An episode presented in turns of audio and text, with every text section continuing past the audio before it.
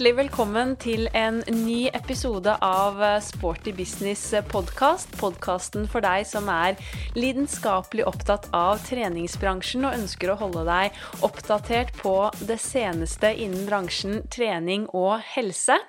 Jeg som prater, heter Eva Katrine, og i dag så er det en litt ekstra sånn spesialepisode som jeg skal dele med dere, for jeg har nemlig fått lov til å bli gjest i min egen podkast, Sporty business, og sitter sammen med Silje Torstensen ved min side.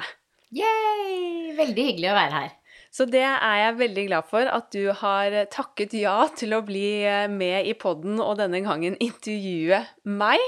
Det har jo vært en del av dere som har ønsket å høre min eh, Eller høre litt mer om min reise inn i treningsbransjen og min bakgrunn og ja, tankene bak podkasten, hva jeg jobber med osv. Og, så og da tenkte jeg hvem kan jeg spørre om eh, jobben med å intervjue meg? Og da tenkte jeg på Silje med det første. En dreven podder og en veldig god samarbeidspartner i bransjen, og ikke minst sparringspartner.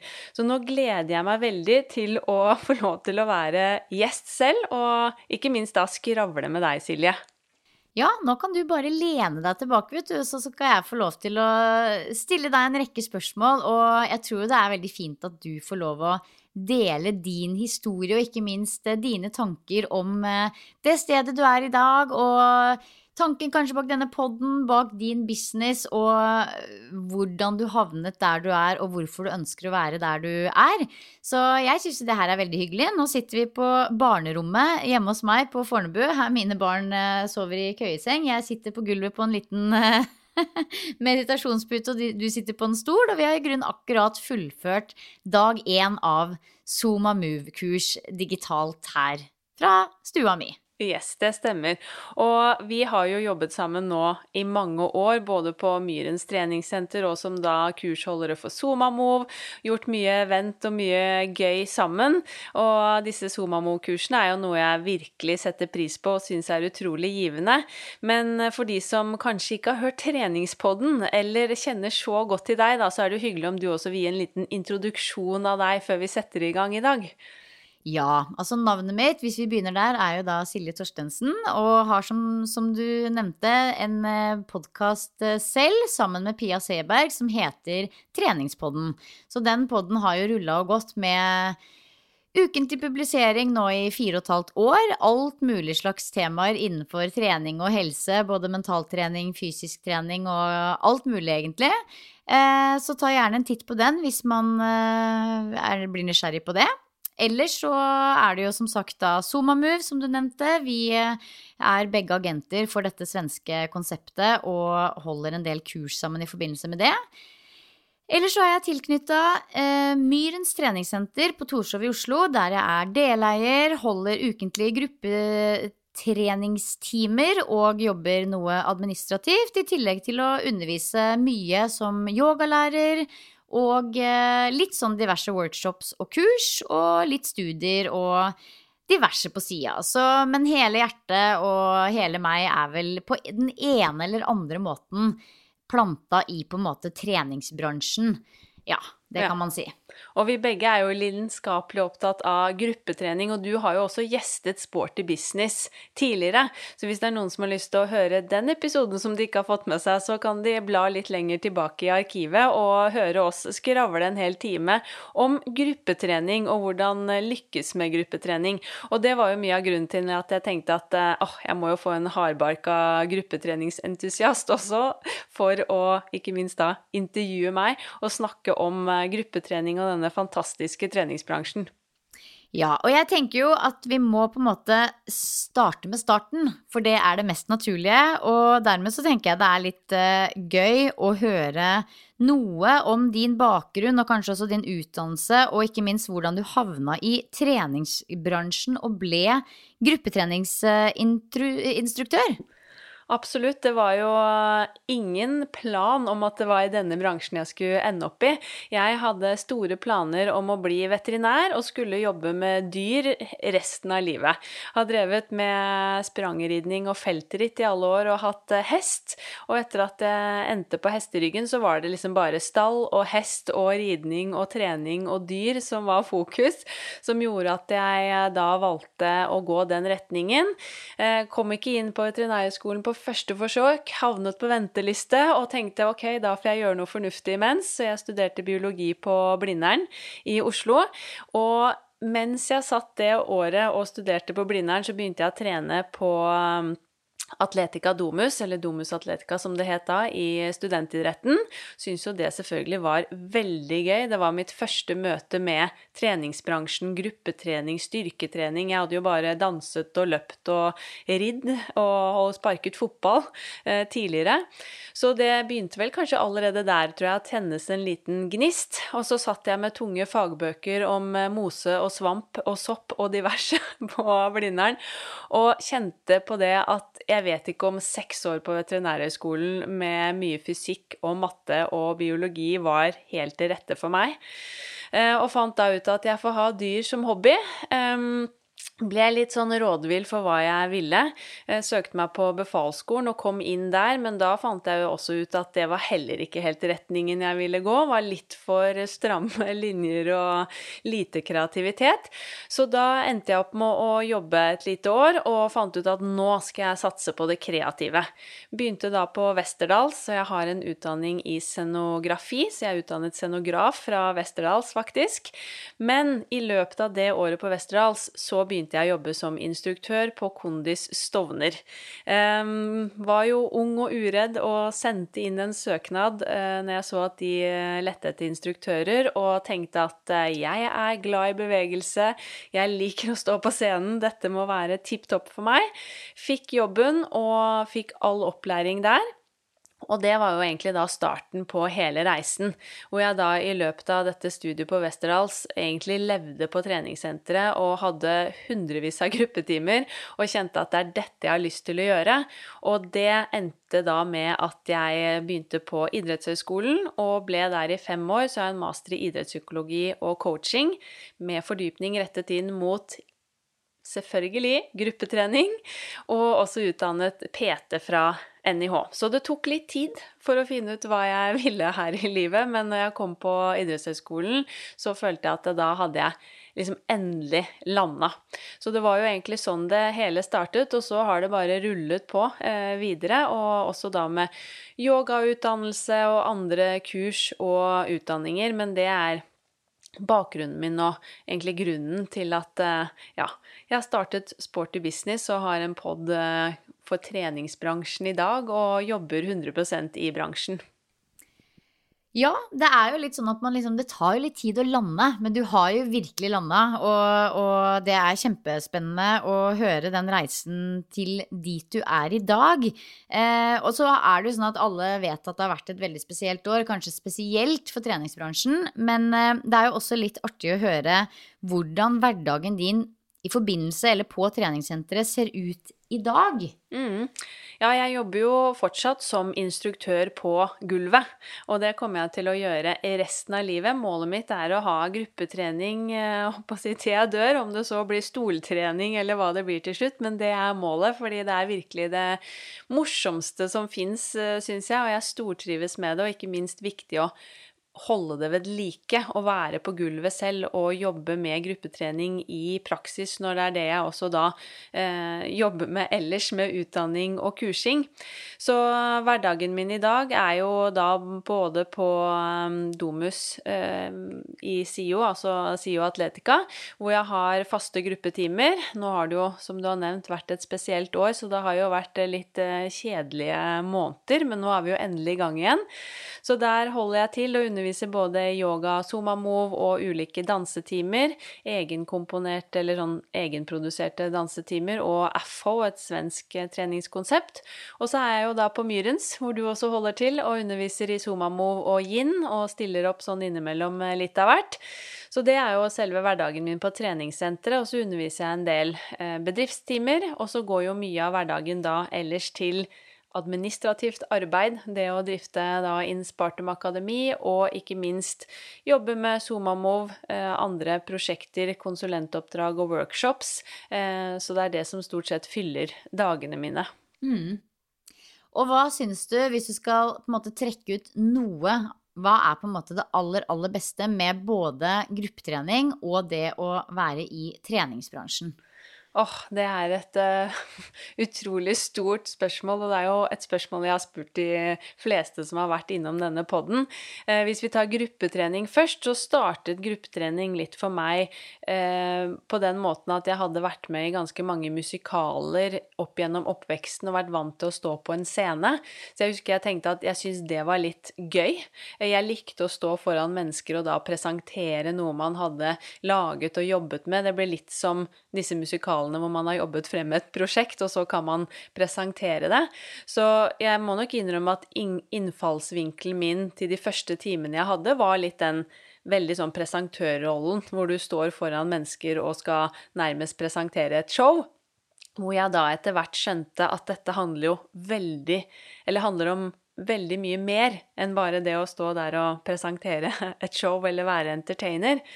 Eh, og det var vel egentlig det som gjorde at jeg virkelig forelsket meg i gruppetrening. Det at jeg så at med min tilstedeværelse, det jeg da hadde laget, produsert, brukt tid på, min entusiasme og glede for det å bevege seg, kunne da igjen glede så mange mennesker, og at jeg ble kjent med disse menneskene, man fikk et fellesskap. Eh, det var det som virkelig gjorde at jeg liksom falt pladask for gruppetrening.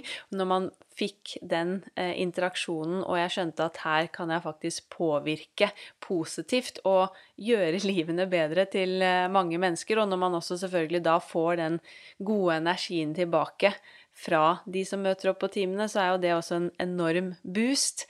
Men det tror jeg er noe av det som jeg fortsatt setter mest pris på i dag med gruppetrening. Det å kunne ha den interaksjonen og det å se at jeg kan glede andre mennesker med det man presenterer, uten at det blir en sånn statisk rolle hvor man bare holder et show, men at det blir så mye mer enn det. Eh, og når det gjelder bransjen som helhet, så tror jeg vel er oppsummert det absolutt alle har kommentert når de har vært innom poden så langt, dette med lidenskap.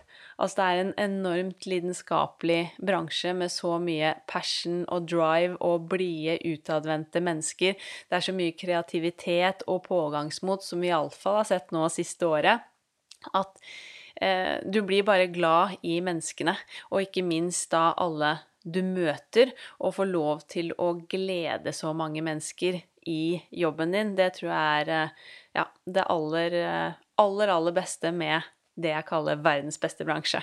Ja, det er virkelig unikt, det du forteller om der. Og det er jo helt åpenbart at eh, dette her er en lidenskap for deg, og du har jo på sett og vis klart å gjøre om lidenskapen din for gruppetrening til et heltidsyrke, og er jo også gründer av Inspartum Akademi, som utdanner gruppetreningsinstruktører. Kan du fortelle litt om måte hvordan det starta, og litt om reisen, og hvordan det er å starte en sånn eh, type business? Mm, det er jo også et stort spørsmål som jeg sikkert kan skravle lenge om. Men eh, nei, altså ideen med Inspartum kom jo etter å ha jobbet med gruppetrening i mange år og gjort mye kurs. Eh, jeg jobbet ved NIH Aktiv.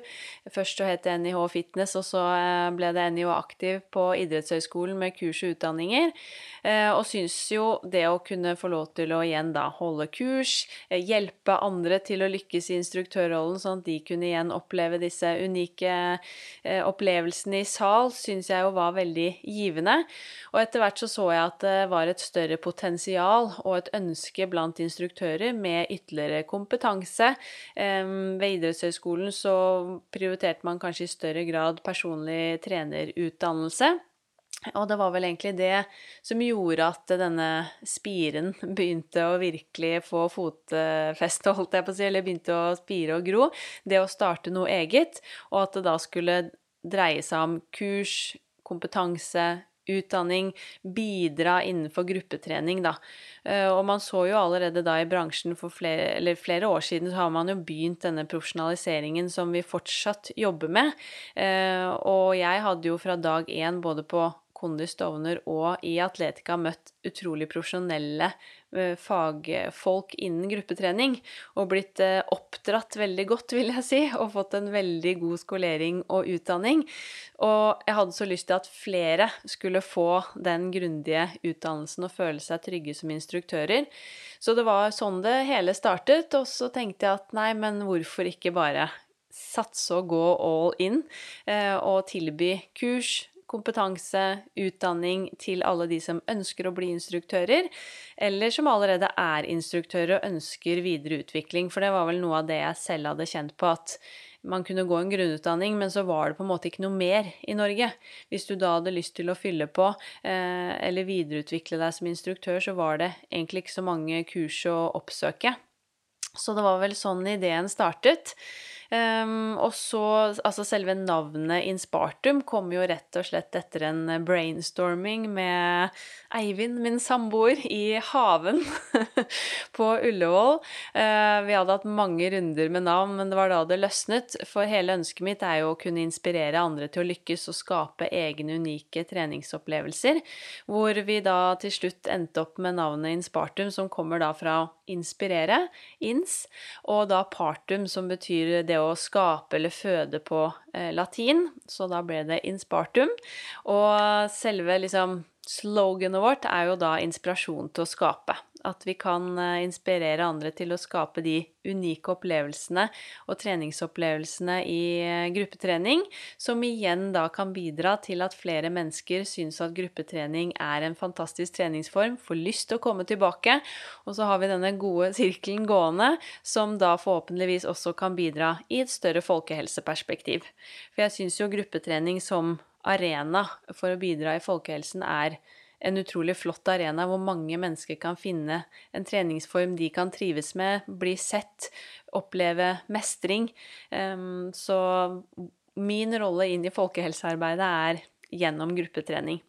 Og det var vel ja, det var altså kort fortalt sånn det startet. Og så har, har vi bygget stein for stein etter hvert når det gjelder Inspartum. Og i dag så har vi jo utdannet over 90 instruktører. Vi har åtte forelesere og stadig flere kurs og ja, podkast og forskjellige ting. Så det er jo veldig gøy å se at uh, det har begynt i det små, og at man stadig har mulighet til å utvide. Ja, det er utrolig gøy. Og det er jo kjempeviktig at folk som har en instruktørspir i magen, og som liksom drømmer litt om det, har en, eh, et profesjonelt sted å henvende seg, og at ikke det på en måte bare er noe man må finne ut av sjæl. Eh, så jeg heier veldig på dere og håper at det blir enda flere som kan komme til dere i de neste åra og få en solid instruktørutdanning. Det er jo veldig hyggelig, og vi to har jo hatt jeg tror, diverse diskusjoner og samtaler opp gjennom årene når det gjelder dette med gruppetrening og hva som skal til for å lykkes, og ikke mm. minst hva vi ønsker for bransjen videre. For eh, ja, både du og jeg er jo hardbarka gruppetreningsentusiaster i sal, og vet jo hvor mye jobb, forberedelse og kunnskap det ligger bak gode timer. Eh, og virkelig få spredd det til hele bransjen, og at vi kan bidra til et ytterligere eh, kvalitetsløft. Ikke bare for personlige trenere, som det har vært mye fokus på de siste årene, men løfte frem alle de fantastiske instruktørene i dette landet som gjør en unik jobb hver eneste dag, hver eneste uke. Absolutt. Har du noen andre store planer for eh, fremtiden, eller blir det å fokusere fullt på Inspartum også framover? Altså, jeg har jo mange drømmer, sånn sett. Jeg er jo en, eh, en som drømmer stort, egentlig. Men uh, alt i alt så er jo Inspartum Akademi mitt uh, hjertebarn, og det er det som er fullt fokus hver eneste dag. Og jeg fortalte jo litt uh, i sted om hvordan ting har utviklet seg, så først og fremst nå så er det jo å utvikle Inspartum videre det å kunne tilby flere kurs, videreutdanninger. Eh, jeg har jo et stort håp om at når hverdagen er litt mer normal igjen, at vi kan eh, komme tilbake til de store arenaene, få til noen store konvensjoner, bygge opp et større og sterkere nettverk blant gruppeinstruktører i Norge, og ikke minst da løfte frem profesjonaliteten og selve yrket eh, med å være gruppeinstruktør. For det var jo veldig, kall det, inn og kult å være instruktør på 90-tallet og inn i 2000-tallet, og så har man jo sett en liten sånn kanskje eh, hva skal jeg si, en nedgang i populariteten knyttet til gruppetrening og instruktører, hvor PT-ene og personlig trening har fått veldig stor plass. Eh, så jeg håper jo at vi kan se at instruktørene får enda større plass og bli anerkjent. Fordi det er som sagt det er mange av dem. De er ofte treningssenterets ansikt utad. Eh, de er utrolig viktige for lojale medlemmer. De gjør en fantastisk jobb, og de trener utrolig mange mennesker, møter utrolig mange mennesker i løpet av eh, en uke. Så det er vel kanskje mitt eh, store håp og drøm, at jeg kan bidra der i, i større grad i fremtiden. Eh, absolutt. Um, så det er vel sånn ja, de mest konkrete planene fremover i tid. Mm.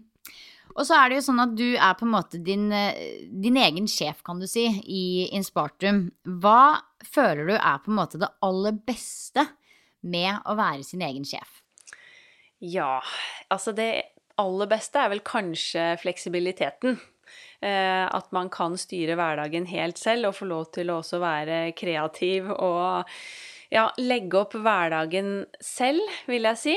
Eh, og ikke minst få lov til å ja, være kreativ, ta eh, valg basert på liksom 100% på egne verdier. Tørre å hoppe på de mulighetene og sjansene som byr seg. det er vel først og fremst det. Fleksibiliteten og muligheten for å hele tiden kunne være eh, kreativ og tilpasse hverdagen. Og hva er det verste? Godt spørsmål. Nei, det verste er vel også det å være så fleksibel at det er vanskelig å strukturere eller være selvdisiplinert hele tiden når man ikke har noen faste rammer for når man skal jobbe. Så én ting er jo det å være disiplinert å sette seg ned og faktisk få jobben gjort, det er jo én ting. Den føler jeg egentlig er ganske god på. Så det verste sånn sett er vel kanskje det at det bare drar seg ut i ja, i det uendelige. Jeg bare jobber og jobber og jobber, og kanskje ikke like god til å sette grenser og ta pauser, men jeg tror jeg er man må jo være innstilt på å jobbe mye skal man starte noe og være gründer, selvfølgelig, men det er også noe man trenger å lære, det å sette litt mer grenser for seg selv, så man ikke jobber altfor mye. Og så er det økonomi og regnskap. ja, nettopp. Det tror jeg er det verste jeg vet, sånn når du Hvis vi tenker liksom hva jobben dreier seg om, for det her er absolutt ikke min styrke. Eh, og det syns jeg også er fryktelig kjedelig, for jeg har lyst til å jobbe med utvikling, jeg har lyst til å jobbe med trening, jeg har lyst til å jobbe med fag og mennesker. Ikke tall og regnskapsprogrammer og diverse som følger med.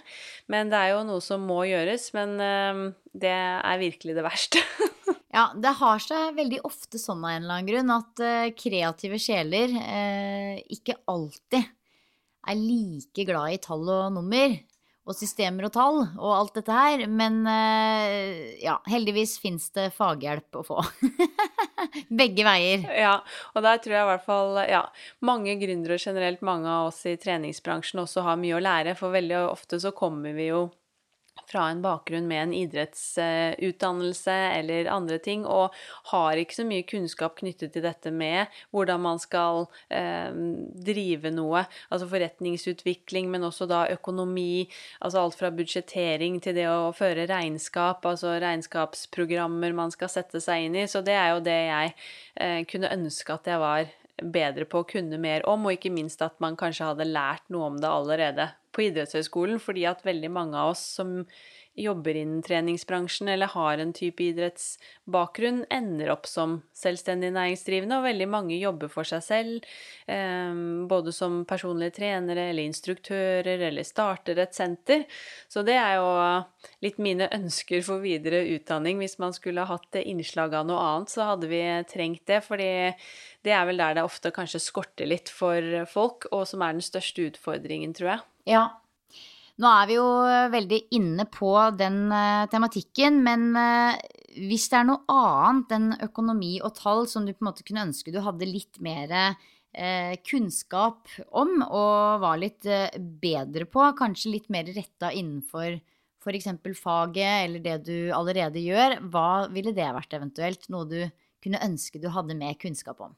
Åh, det er uh, mye. Man blir jo aldri ferdig utlært uh, i, uh, innen denne bransjen, så det er egentlig veldig mye. Altså hvis vi tenker litt mer sånn i en business, så er det type markedsføring, litt mer strategi. Egentlig alt som innebærer det å drifte en større bedrift eller et firma, som selvfølgelig kan bli veldig mye bedre. Eller så er det jo stadig ting som jeg tenker at åh, det må jeg bli bedre på innen uh, mer, ja, som du snakker om, fag eller trening. Og det ene er jo for meg som elsker trinntimer, så er jo det å utvikle meg selv innenfor trinntimer, og spesielt da blokkbygging, det å kunne lage helt rå koreografitimer, hvor uh, jeg vet at uh, ellers i Europa så ligger de veldig langt foran oss i Norge. Og de har helt unikt høyt nivå, og der er det så mange metodikker og så mye å lære, så det er noe jeg virkelig har lyst til å lære. Og så har jeg lyst til å lære meg å videreutdanne meg innen yoga, mm. altså som yogainstruktør og yogalærer, eh, og også en del innenfor ja, mer yoga nidra, altså denne yogiske søvnen, mer meditasjon. Eh, så det er jo mange ting. Jeg tror jeg kunne skrevet en lang liste over alt jeg har lyst til å lære mer om, men eh, man får ta én ting av gangen, og så tror jeg i hvert fall det er veldig bra å kjenne på at man aldri blir ferdig utlært. Du har jo også nå ja, studert? Ja, jeg tok jo faktisk Nidran i høst, eh, som du nevner. Det var liksom høstprosjektet. Og så ble det litt mer retta mot meditasjon eh, og meditasjonsteknikker denne våren. Så det har jo Korona har jo sånn sett åpna opp noen muligheter der hvor man eh, kan eh, spe på med litt, eh, litt mer kunnskap og ting som man kan trekke med seg inn i det man driver med, da. Og ikke minst for, for, egen del også, så er jo dette her veldig fine teknikker. Men uh, ja, det er jo alltid, alltid, noe å ta tak i, og det er alltid ting som kan finpusses, og så burde man kanskje oppdatere litt kunnskap, og så ja. Så Ferdig utblært, det blir man aldri. Nei. Jeg har egentlig nesten vært litt sånn misunnelig på deg som har vært litt student i det siste. For jeg syns det var altså veldig Altså jeg er en av de som syns det var veldig gøy å ta master. Altså jeg storkoste meg, så jeg savner litt den eh, ja, studietiden. Så jeg prøver liksom alltid å fylle på med et kurs eller en liten utdanning sånn i ny og ne. Mm. Ja. ja, det har vært veldig fint å være student nå, hvor det på en måte ikke har vært altfor mye andre ting som står i veien. Så ja. Men uh, vi får se videre. mm. Nei, det er i hvert fall alltid noe nytt man kan uh, Alltid noe nytt man kan lære, og så må jeg bare velge hvilken rekkefølge jeg skal ta det i. Ja, det er noe med det. Man må ikke gape over altfor mye på en og samme tid. Men hvis det var noe du kunne sagt til de der ute som vurderer å starte opp kanskje noe eget i treningsbransjen, har du noen tips til de som ønsker å etablere noe selv? Ja, det har jeg nok. Eh, forhåpentligvis en del tips eh, og råd, i hvert fall en del erfaringer. Og den eh, lista er nok forholdsvis lang, men jeg skal prøve å liksom ta deg litt kort gjennom det. Men jeg tenker jo først og fremst at jeg vil oppfordre folk til å følge drømmen sin. Eh, jeg elsker å drømme stort og har eh, masse visjoner og tanker om hva, jeg har lyst til å få til, og jeg tror at det er sunt og kan være inspirerende, motiverende og givende. Og det er jo sånn at det er få som tør å satse eller gå all in. Mange har gode ideer, og så blir det litt med ideen. Så jeg vil jo først og fremst eh, oppfordre folk til å våge.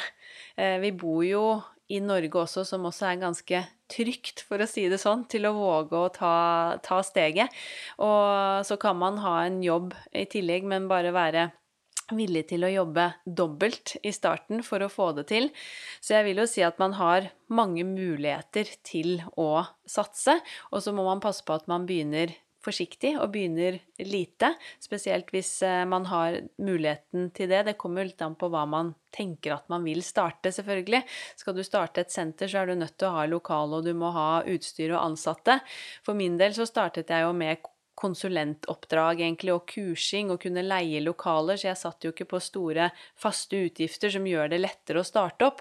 Så det er jo selvfølgelig veldig avhengig av hva du ønsker å starte, men det er mulig. Eh, absolutt. Så først og fremst så vil jeg i hvert fall oppfordre folk til å prøve. Det er ikke sikkert at det, eh, det blir akkurat sånn som du tenkte eller håpet eller ønsket, men eh, da har man i hvert fall også prøvd. Og kanskje går det ikke, men igjen, da har du prøvd, og man lærer av absolutt alt. Eh, og jeg lever jo i den troen at uh, alt er mulig hvis man bare ønsker det nok og tør å ja, satse. Eh, men som sagt, man må være villig til å jobbe mye. Jobbe 24-7, så du må ha den driven. Det blir som en livsstil. Eh, så man må være villig til å også la kanskje andre ting bli nedprioritert. Eh, og man må ha den gjennomføringsevnen, for mange har som sagt ideene, men så blir det litt med ideene. Men man må sette seg ned og faktisk gjøre de til virkelighet ta opp telefonen, sende den mailen, spørre de spørsmålene, virkelig liksom sette i gang og få ballen til å rulle. Man bør jo i starten i hvert fall sjekke markedet litt, være litt sånn realistisk og sjekke også hva fins eventuelt på markedet, eventuelle konkurrenter, hva man har tenkt til å satse på. Um, og være realistisk. Jeg har vært borti mange gründere og opplevd og ikke minst lest og hørt historier om folk som kanskje har satset og vært litt for ambisiøse i starten, og så har det gått eh, rett vest. Så det er fantastisk med de som virkelig kan gønne på å satse stort, og det kan lykkes. Men er du helt alene, så vil jo jeg si at det er lurt å tenke at man begynner i det små. Bygge stein for stein. Eh, begynne med én ting av gangen, og fullføre den tingen. Um, og ting skal være av kvalitet når man eventuelt lanserer det eller kommer i gang, men man kan ikke heller uh, regne med at ting er 110% Til slutt så må man også bare komme i gang, eh, sånn at det ikke bare blir eh, med ideen. Ehm, så vil jeg også si at det er viktig å tørre å spørre om hjelp, fordi du kan absolutt ikke alt selv. Langt derifra. Så spørre om hjelp, bruke de rundt deg. Eh, prøve å ha en sparringspartner. Kanskje du kan ha muligheten til å få en mentor, noen som kan hjelpe deg underveis. Det er utrolig viktig. Um, og spørre om hjelp spesielt f.eks. da til sånne ting som det økonomiske, eh, ting som du må ha kontroll på, men som man kanskje ikke kan så mye om selv. Det er utrolig viktig å prioritere det. Det er så synd hvis liksom eh, det er økonomi eller andre ting som setter stopperen for deg, da, for at du skal lykkes. Eh, så spørre om hjelp og få hjelp der. Um, og så må man jo være innstilt på at det kommer til å være veldig mange opp- og nedturer. En berg-og-dal-bane uten like. Så da er det jo viktig å ha gode mennesker rundt deg som heier på deg, og at du vet at du har en del eh, støttespillere eh, rundt deg når eh, du kommer til å møte disse dalene underveis. Det har vært mange av de, for, for å si det sånn. Utad så kan man jo kanskje ofte se på sosiale medier i dag, og alt ser så fint og flott ut. Og som alle vet, så er det jo ikke alltid sånn. Ting går på trynet, og man må prøve på'n igjen, og ting blir ikke alltid som man hadde tenkt. Så man må begynne på nytt, og man må eh, justere. Og da er det jo viktig å ha disse trygge, eh, gode menneskene rundt en. Eh, og ikke minst da også være åpen for tilbakemeldinger underveis, og være ydmyk for de tilbakemeldingene man får, er jo gull verdt for å komme i gang. Så, men jeg vil jo først og fremst si tørre å satse. Sette seg ned, skrive konkret ned hva er eventuelt ideen, ønsket, målet. Eh, lage seg en fremdriftsplan. Ok, hva må jeg undersøke for å i det hele tatt kanskje gjøre dette til virkelighet? Eh, og begynne med små ting. Kanskje det er en nettside som er første steg for å få på plass det. Ok, hvordan gjør jeg det? Skaffe hjelp eh, til å eventuelt sette opp den nettsiden. Fullføre det. Gå videre til neste eh, steg. Alt avhengig av selvfølgelig hva man ønsker å starte opp.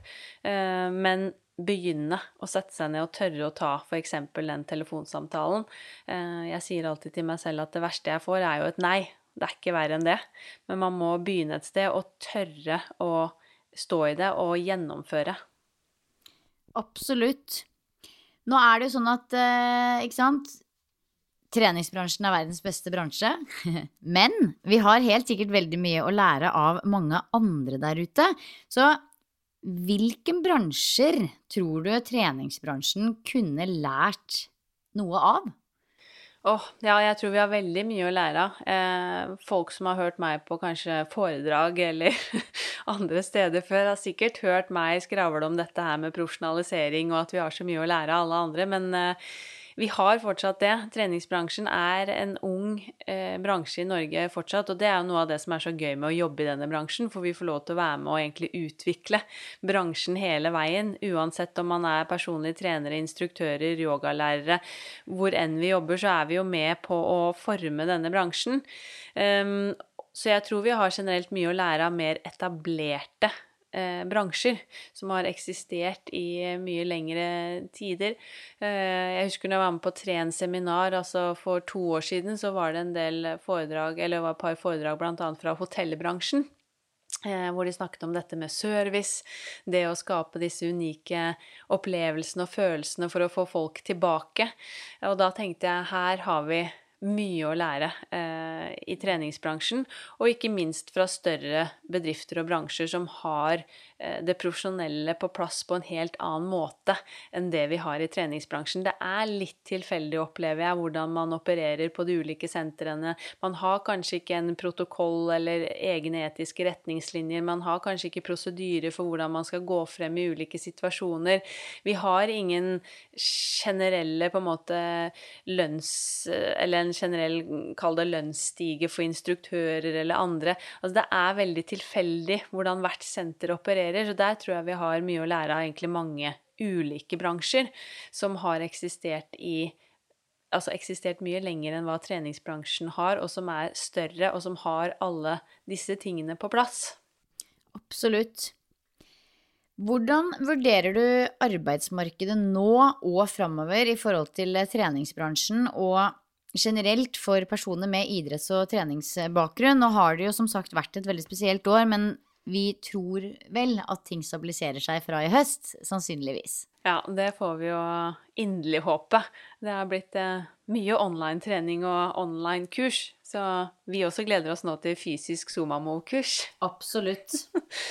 Men ja, nei, altså jeg tror jo for de som eventuelt eh, hører på denne poden og tenker at de kanskje har lyst til å jobbe i treningsbransjen, eller for de av dere som hører på og allerede har en fot i bransjen og tenker at her har jeg lyst til å etablere meg fulltid, så mener og tror jeg at det er veldig mange muligheter for det fremover.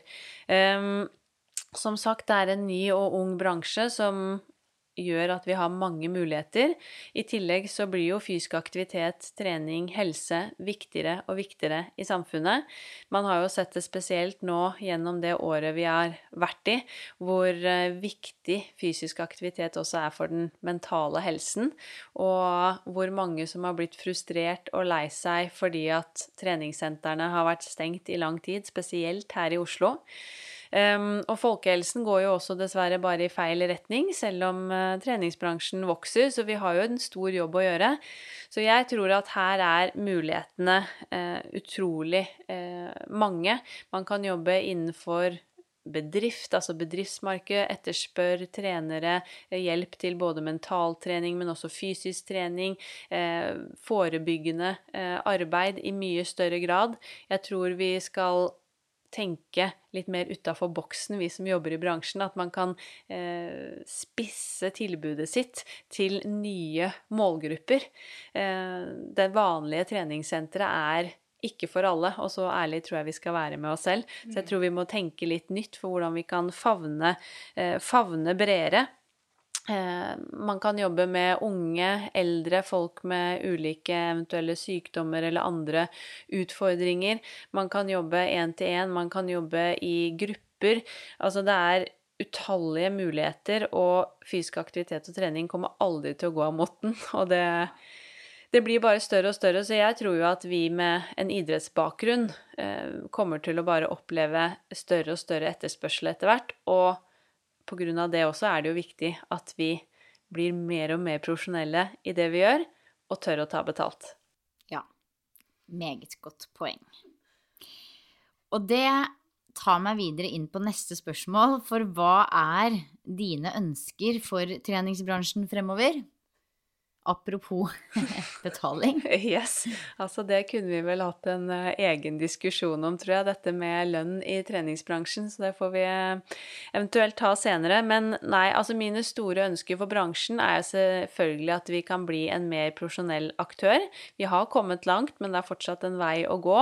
Og at vi kan bli litt mer samkjørte når det gjelder da ulike prosedyrer, retningslinjer. Um, og ikke minst også lønn, selvfølgelig. Og at eh, da instruktørene, som jeg eh, virkelig eh, snakker for og ønsker å løfte frem, kan bli anerkjent i mye større grad. Eh, også bli bedre betalt for den fantastiske jobben de gjør. Men så håper jeg jo bransjen som helhet også kan bli ansett som en større folkehelseaktør av samfunnet generelt. Vi har vel ikke helt fått den anerkjennelsen vi håpet at vi skulle få i forbindelse med ja, koronapandemien, og mange av oss har jo vært meget frustrert over at vi har blitt, eh, jeg vil jo si egentlig ganske neglisjert i store deler. Så jeg håper at vi kan eh, klare å bygge oss opp en sterkere rolle som en folkehelseaktør. Og så håper jeg at vi kan se enda mer kreativitet i bransjen, litt med tanke på det jeg var innom i sted, at det finnes så mange muligheter. Eh, vi er litt låst, tror jeg, i bransjen i dag med disse kall det fullservicesentrene våre, hvor vi tenker at det skal være så fresht og flott og fint, og det popper opp stadig nye sentre, men det er egentlig litt av det samme hele tiden. Og vi ser jo at vi sliter med å nå ut til eh, massene eh, og flertallet i Norge. Så jeg håper at vi kan se flere som tør å ta steget og satse mer nisjebasert. Litt som vi har sett med disse butikksentrene som har oppstått eh, de siste årene, men ulike. Eh, alt fra sentre til aktivitetstilbud eh, for andre grupper, og at bransjen tør å tenke enda mer utenfor boksen enn det vi gjør i dag, er vel et av også ja, mine store ønsker og håp, sånn at vi kan favne enda bredere og nå ut til enda flere mennesker. Men da ja. tror jeg vi må tenke nytt og spennende. Og hva er din femårsplan karrieremessig? Hva er på en måte drømmen eller målet videre nå de neste årene? Åh, si det. Det er uh, også et litt vanskelig spørsmål. Jeg tror uh, Jeg har nok ikke satt meg ned og liksom skrevet en klar plan for de neste fem årene. Men uh, jeg har jo selvfølgelig et ønske om at Inspartum Akademi kan bli en ja, det stedet du går når du ønsker å ta utdanning som eh, instruktør, eh, og at vi kan tilby et bredt og godt spekter av utdanning for alle som er instruktører, og at vi kan bidra til at vi kan skape et større nettverk blant instruktører. For det er jo veldig mange som sitter på hvert sitt treningssenter rundt omkring i landet, og så har man ikke noe særlig kontakt seg imellom, så jeg håper jo at vi også kan bidra til litt mer nettverksbygging og samarbeid mellom mellom eh, treningssentre generelt, men selvfølgelig da spesielt for instruktører. Og at vi fremover kan tilby alt fra også kanskje treningsreiser etter hvert, det er en drøm jeg har, eh, til og med kanskje utdanning på eh, eller i utlandet. Eh, jeg har jo mange litt mer sånne morsomme planer som jeg håper å få til. Eh, som hadde vært gøy, og ikke minst dette her å kunne samle folk på store conventioner, som eh, vi gruppetreningsfolk savner veldig nå. Um, så det er jo i hvert fall noe av det jeg virkelig håper. Og så håper jeg at um, eh, ikke nødvendigvis jeg eller Inspartum, men at uh, Gruppetrenings-Norge generelt også kan være med å bidra til at vi kan klare å plassere uh, gruppetrening enda litt mer på uh, kartet eller på papiret. Og at vi kan få til en ordentlig profesjonalisering eh, rundt også utdanning av instruktører eh, i tiden fremover. Men jeg tror vel kanskje mm, det er det beste svaret jeg har til deg akkurat nå. Ja, ja men det høres bra ut. Jeg vet at du stiller ett spørsmål som avslutning i alle dine intervjuer med de personene du har hatt med i podkasten, Eva Katrine, og det er hvem kunne du selv tenke deg å høre i podkasten Sporty business? Hva er på en måte din drømmegjest? Så nå syns jeg du skal få lov til å svare på det. Hvis du kunne valgt fra øverste hylle, hvem ville det vært? Ja, jeg tenkte faktisk på dette spørsmålet i dag tidlig, før vi satte i gang med kurs. Eh, for da tenkte jeg jeg må vel sikkert svare på det, jeg også. Eh, og da kom jeg frem til eh, egentlig litt flere personer. Noen er veldig, kalde drømmegjester, og noen er litt mer realistiske. Men da tenkte jeg faktisk hvor kult hadde det ikke vært å få selveste Jane Fonda på besøk i podden. Altså, rett og slett, why not? Øverste hylle. Jeg er helt enig. Hvor det hele startet med mm, gruppetrening, egentlig satt i system. Trening til musikk med rosa leggvarmere og pannebånd og badedrakter. Men det var jo der det hele startet, og hun har jo virkelig vært eh, pioneren eh, innenfor treningsbransjen, og er jo egentlig grunnen til at du og jeg elsker aerobic. ja, det er jo egentlig helt vilt, men eh, sånn er det. Og når jeg kom på dette, så bare sjekket jeg på Google. Altså, jeg tror hun er 83 nå. Men uh, det er jo fortsatt mulig, det, da. Tenk det. 83. Det hadde vært rått å få skravle gruppetrening med selveste Jane Fonda. Ja. ja. Men um, tilbake til litt mer sånn realistiske, kanskje. Altså, jeg har jo også en drøm om å kunne intervjue Sasha Urskin fra Russland, som er en av mine store idoler og helter når det gjelder gruppetrening. Det hadde også vært veldig veldig, veldig stas. Og så må jeg jo si at uh, Petter Stordalen, for eksempel, er et av mine også litt eh, ja, idoler. Jeg syns han er utrolig kreativ og vågal og festlig og morsom og tør å være seg selv 110 eh, og det elsker jeg. Og han har jo fått til ekstremt mye, så det også hadde vært morsomt å liksom få hans innfallsvinkel i treningsbransjen og det å lykkes, og kanskje få noen tips for hvordan vi kan eh, drive som bransje. Eh, det hadde jo vært morsomt. Og så tenkte jeg også da til slutt på selveste Bent Høie, som har vært nevnt flere ganger i poden det siste året. Nettopp på grunn av at jeg ønsker at vi i treningsbransjen kunne vært ansett som en viktigere folkehelseaktør i samfunnet enn det jeg opplever at vi er i dag, og rett og slett snakket folkehelse. Tanker om fremtiden, hvordan vi kan legge til rette for å få flere mennesker i aktivitet, hvordan sentrene kunne bidratt i større grad, det hadde jo vært eh, veldig, eh, veldig gøy. Absolutt. Det, og det tror jeg ikke er helt uoppnåelig. Kanskje ikke akkurat nå, men på sikt så vil det være mulig å få til, tror jeg. Ja, jeg tror det blir lettere med Bent Høie i hvert fall enn Jane Fonda, altså. Så. Ja, jeg deler den. Nei, men eh, vet du hva, det er eh, alle personer som jeg kunne tenkt meg å høre skravle om treningsbransjen, i hvert fall. Så jeg heier på deg, og heier på at uh, du får inn disse folka i poden etter hvert, Eva Katrine. Ja, takk. Det er veldig, veldig, veldig hyggelig. Vet du hva, vi, eh, Før vi satte på opptaket, så var vi litt sånn Vet du hva, vi skal klare å holde det til under timen. Og det tror jeg søren meg vi har klart, så klapp på skulderen til begge to. Jeg tenker egentlig at vi bare kan eh, wrap it up akkurat her og nå. Eh, jeg syns det har vært kjempespennende å bli enda bedre kjent med deg.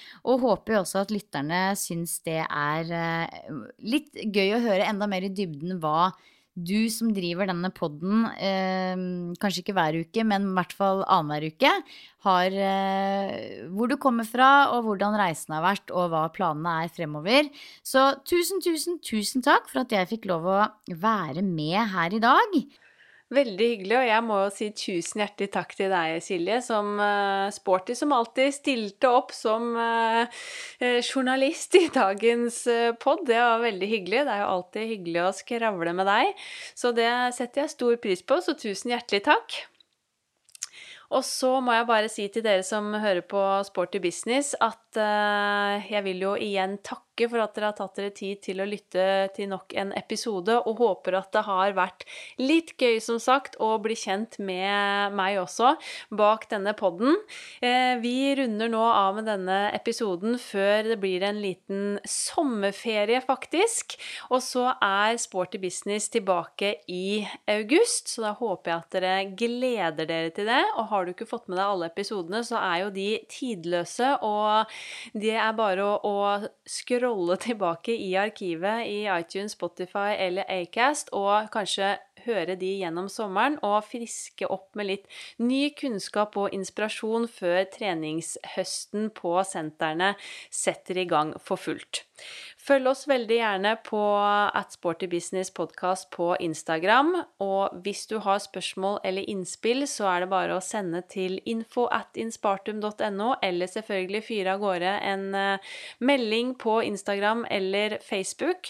Og så gleder jeg meg veldig til å skravle videre med dere til høsten og presentere en rekke nye spennende bransjefolk fra verdens beste bransje. Håper du får en strålende, sporty, sprudlende og deilig eh, sommer. Tusen hjertelig takk for eh, følget denne eh, vårsesongen, og så poddes vi igjen til august. Denne podkasten produseres av Inspartum Akademi og North Stories.